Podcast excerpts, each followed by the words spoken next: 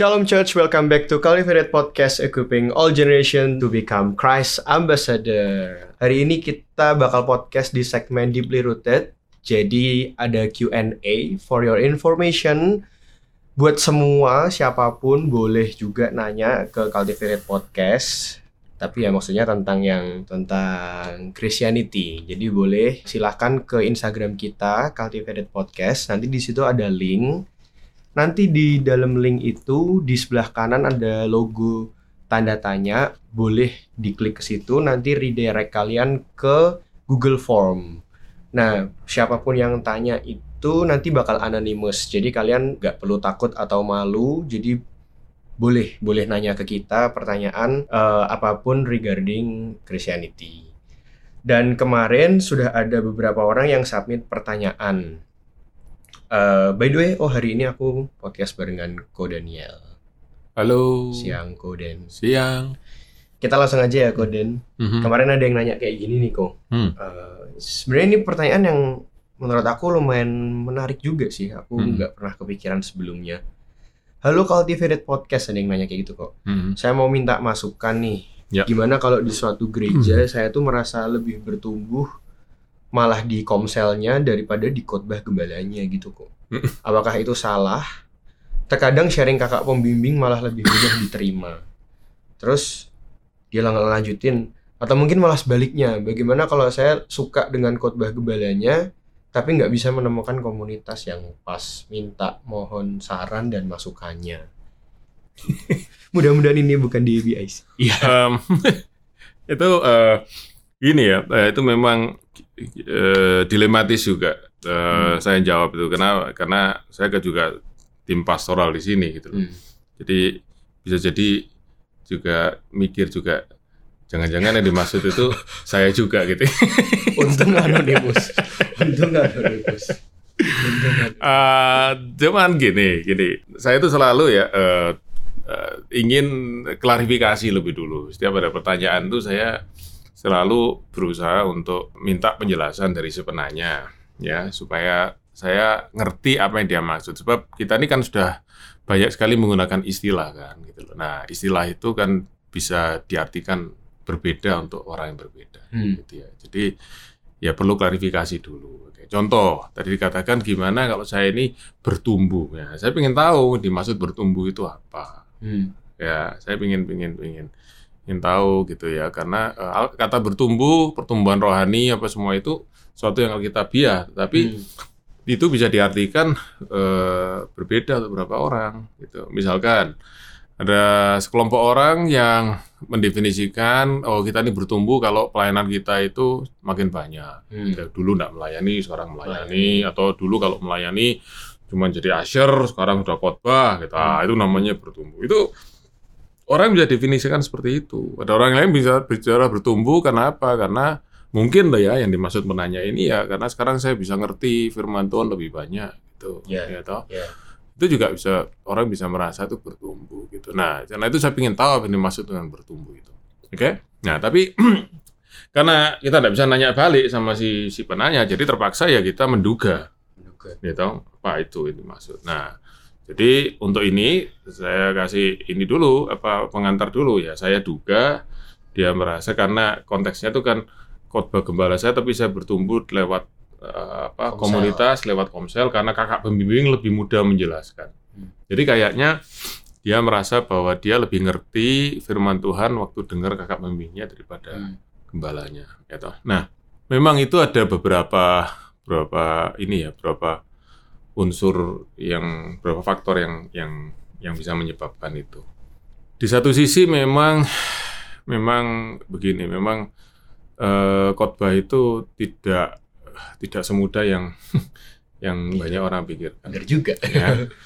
itu seperti eh, orang ngajar ya Ya. tidak semua orang itu bisa ngajar dengan baik ya tidak semua orang itu bisa jadi guru yang baik gitu ada guru yang bisa menjelaskan dengan dengan jelas dengan baik gitu ada guru yang sukar untuk diikuti gitu ya jadi khotbah juga juga juga seperti itu ya. nah jadi eh, saya tidak tahu eh, apa yang benar dimaksud ada banyak banyak misteri dalam pertanyaan itu sebenarnya. Ada contoh lain misalkan begini, kalau kita bilang saya tidak ngerti khotbahnya, gitu ya.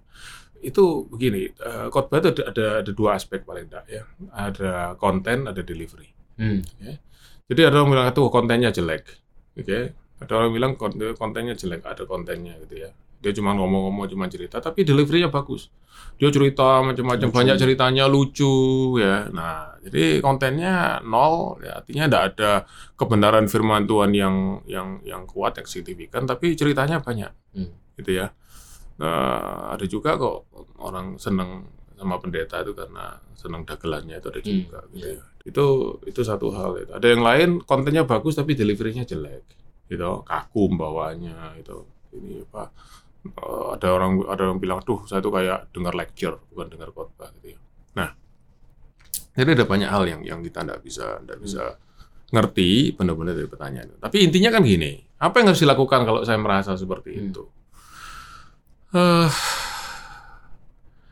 ya buat saya begini, nomor satu kita itu eh, mesti melihat saya sendiri juga tidak tahu ya apa eh, eh, apa motif terakhir daripada pertanyaan ini. Hmm. Apa pertanyaannya gini gimana ya? Apa saya nggak usah datang ke baktian minggu, saya ke komsel saja gitu ya? Kalau Mungkin Ya, sih. mungkin gitu ya. Mungkin, mungkin. tapi saya ngelihat begini, eh, kita harus balance. Ya. Jadi saya maksud balance itu begini. Kita mesti ngelihat gereja itu secara keseluruhan komprehensif. Oke, khotbah itu bagian dari gereja, tapi Hmm. khot- khotbah itu bukan keseluruhan daripada gereja. Iya. Kita datang ke gereja, kita berjemaat, kita bergereja juga bukan hanya waktu hari Minggu.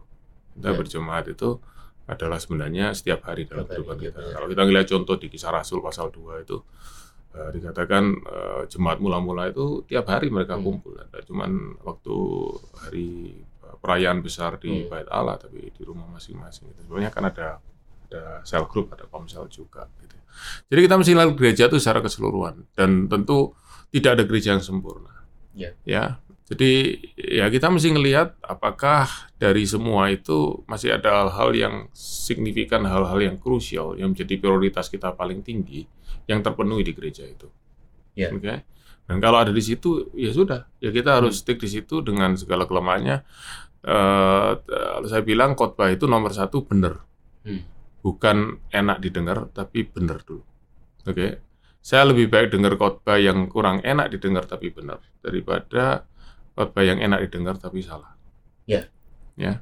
Jadi itu kita kita kita, kita penting. Nah, jadi eh, eh, saya terus terang tidak bisa jawab dengan dengan detail, dengan pasti karena saya tidak bisa mengklarifikasi Hmm. apa yang dimaksud Hmm. dengan bertumbuh Hmm. itu. Tapi sekali lagi gereja itu bukan eh, hanya dilihat dari satu sisi, tapi dari dari keseluruhan. Ya. Proses Ya. dan dinamika Nah, juga. ya. Nah, ini ada ada ada ada ada satu kasus beberapa tahun yang lalu. Saya pernah ketemu dengan satu anak. Dia dulu berjemaat di gereja kita di Hmm. PIC Melbourne. Lalu dia pindah gereja lain. Nah, dia pindah gereja lain, tapi dia kemudian dia bilang bahwa saya mau tetap datang ke sel group. Saya gereja minggu, saya pindah gereja lain, tapi sel group saya tetap di sini. Nah, Lalu, gimana? lalu saya tanya sama dia, lalu saya tanya sama dia, "Eh, kenapa begitu? Iya, karena sel group eh, di gereja saya yang baru itu enggak, enggak, enggak bagus. Ya. Gitu. Jadi lalu saya saya klarifikasi supaya nggak salah. Jadi kamu ada dua gereja, kamu pilih yang the best of each. Ya, jadi di PIC kamu senang sel grupnya, di gereja yang lain itu kamu senang ibadah minggunya. Betul kok. Oke, saya bilang saya enggak, saya tidak Against. bukan, saya saya against itu. Oh, saya against. Artinya saya tidak bisa rekomend itu. Ya. Oke, ya. Saya- aku pakai istilah yang sehalus mungkin lah. Oke, I'm not happy with it. Ya. Lalu ditanya kenapa kok? Saya kasih ilustrasi ya. Kamu besok kalau mau menikah, gitu. ini kebetulan anaknya perempuan. Kamu besok mau menikah, kamu menikah dengan berapa suami? Satu suami kan? Iya dong kok. Ya. Gini, kenapa kamu tidak menikah dengan empat suami? Yang satu, Make sense. kamu seneng gantengnya. Yang satu, yang satu gantengnya, yang satu kantongnya, gitu ya. Maksudnya isi kantongnya gitu ya. Yang satu lagi karena senang pinternya, gitu. ya. Yang satu karena senang baiknya. Kenapa? Gitu. Kamu bisa menikah dengan satu Ya, suami, benar, benar. gitu. Nah, Menjawab. iya. Jadi kita tidak ada gereja yang sempurna, oke? Kita harus terima itu semua selama selama kita tetap mendapatkan apa yang paling penting yang kita cari di situ, yang tentunya berhubungan dengan pertumbuhan rohani kita. Nah, pertanyaannya adalah kita tahu enggak waktu kita milih gereja itu apa yang jadi kriteria-kriteria Hmm. kita? Itu. Ya. Ya toh? Kalau jadi kriteria kita eh, apa eh, nomor satu adalah khotbah yang bagus, ya tentu kalau khotbahnya sudah tidak bagus ya gimana lagi? Ya enggak memenuhi kriteria kita ya kita mesti pindah ke tempat lain. Iya, iya. Oke, tapi sekali lagi tadi jelaskan beberapa menit yang lalu, gereja itu bukan hanya tentang khotbah, ada banyak yang lain. Ada bicara tentang pastoral, ada bicara tentang komunitasnya sendiri, ada bicara tentang pelayanan, ada bicara juga tentang bagaimana gereja itu sendiri menjadi impact buat Misi buat juga. buat ya buat buat lingkungan di mana. Iya, Itu yang buat kita buat kita mesti pertimbangkan. Jadi bukan bukan hanya Iya, iya. bukan hanya satu aspek. Nah, demikian juga sebaliknya dikatakan gimana kalau saya ini bertumbuh di saya merasa bertumbuh dengar khotbah dari gembala tapi Komunitas. di komsel tidak bertambah. Nah, buat saya itu mungkin lebih gampang lah. Karena berarti kita tidak pindah gereja tapi kita bisa bisa bisa cari komsel lain itu itu itu buat saya masih Hmm. masih lebih lebih oke gitu ya. Tapi kalau itu benar-benar terjadi di gereja kita, saya lebih senang kalau saya diberitahu sehingga saya juga bisa bantu sel group atau komsel Iya, yang ada iya, sekarang iya. untuk bisa bertumbuh. Pada akhirnya kan kita bikin seperti itu kan. Di mana ada kelemahan kita tidak hindari itu, tapi kita bantu supaya kelemahan itu bisa bisa kita atasi bersama-sama gitu. Ya toh, problem harus di solve, bukan problem ditinggal lalu kita lari ke tempat lain. Gimana nggak ada problem. Paling penting adalah begini, terakhirnya ya, lewat itu semua itu satu tes buat kita, yaitu tes komitmen kita. Amin. Ya, karena untuk kita tinggal di satu lingkungan di mana semuanya itu serba enak, serba serba nyaman, itu kita tidak usah belajar dan kita tidak perlu komitmen di situ. Hmm. Untuk kamu, untuk kamu datang ke satu tempat di mana semuanya enak itu kita tidak perlu komitmen. Itu keinginan kita sendiri sudah cukup. Tapi ada kalanya di mana kita tuh datang tidak dengan keinginan, tapi kita datang karena komitmen. Yaitu di mana kita mulai mulai melihat Iya. kelemahan, kita melihat Iya, iya. kekurangan, kita mulai melihat hal-hal yang tidak cocok dengan harapan kita, tapi kita tetap mau datang. Nah, itu namanya komitmen. Ya, Nah, itu itu yang kita mesti belajar sama-sama. Itu Oke. itu saya kira sekali lagi sorry saya tidak bisa jawab karena Iya. dengan uh, clear semua karena ya ada banyak istilah-istilah yang kita mesti perjelas dulu dari pertanyaan itu. Oh, makasih Koden. Tadi aku malah dapatnya kayak gini. Ya, misalnya pun ini ternyata orang gereja kita atau bukan, tapi berarti aku belajarnya talk to someone juga ya, aku ya mungkin. Tadi kalau yang tentang komunitas itu mungkin maksudnya. Iya iya iya. Eh, ada satu satu hal lagi. Eh, Sorry kalau agak prolong dikit. Tapi gini, kalau kita bilang, aduh, saya kok tidak bisa ikuti ya itu khotbah gembala atau khotbah ini ya khotbah dari ketua sel grupnya whatever it is gitu ya. Itu ada dua hal ya. Ada dua hal. Satu sisi itu bisa karena memang penyampainya ya atau jadi eh, or preachernya gitu. Tapi juga bisa hearernya Ya. gitu ya. Artinya ya mungkin saya saya perlu belajar lebih lagi sehingga Hmm. saya bisa ngerti betul apa yang dia sampaikan Benar, benar, gitu ya. benar, Karena karena apa eh, Tuhan Yesus sendiri contoh ya, Tuhan Yesus sendiri waktu bicara dengan Nikodemus di Yohanes pasal 3 itu. Dia mulai ngomong tentang kelahiran baru ya, born again ya. Itu Ya. Nikodemus itu orang Farisi, guru, guru guru Taurat. Berarti dia sudah ahli Taurat, itu dia Hmm. garuk-garuk kepala.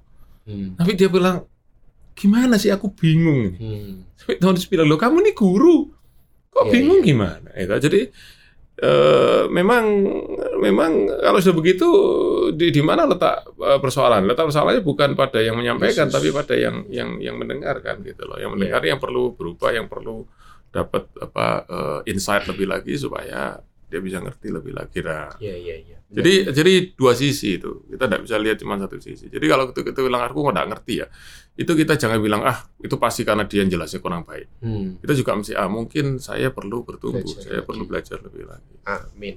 Supaya Benar kita balance gitu ya. Nah, kita tidak selalu blame others gitu. Mantap Koden. Terima kasih Koden udah Hmm. mau ada di hadir di segmen hari ini buat menjawab pertanyaan ini. Ya. Uh, semoga teman-teman jelas ya dengan jawabannya dan juga semoga pertanyaan ini tuh mungkin juga menjadi pertanyaan teman-teman mungkin jadi sekalian menjawab atau mungkin pertanyaan teman-teman kalian yang lain. Nah, makanya kalau siapa tahu ini juga pertanyaan dari teman-teman kalian yang lain yang mungkin lagi ada struggle yang sama Jangan lupa kita Cultivated Podcast ada di Spotify dan YouTube. Di-share, di-like, terutama di-share mungkin buat teman-teman kalian yang mungkin belum kenal Tuhan Yesus. Terima kasih semuanya, pokoknya udah mau stay tune sama kita. Thank you. eh ya gitu aja sih. Terima kasih semuanya. Thank you. Bye-bye. Bye.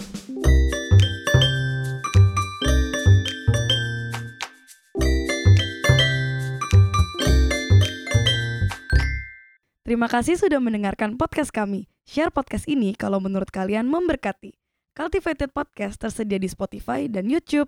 Dan kalian bisa cek juga Instagram kita di cultivated.podcast. Terima kasih.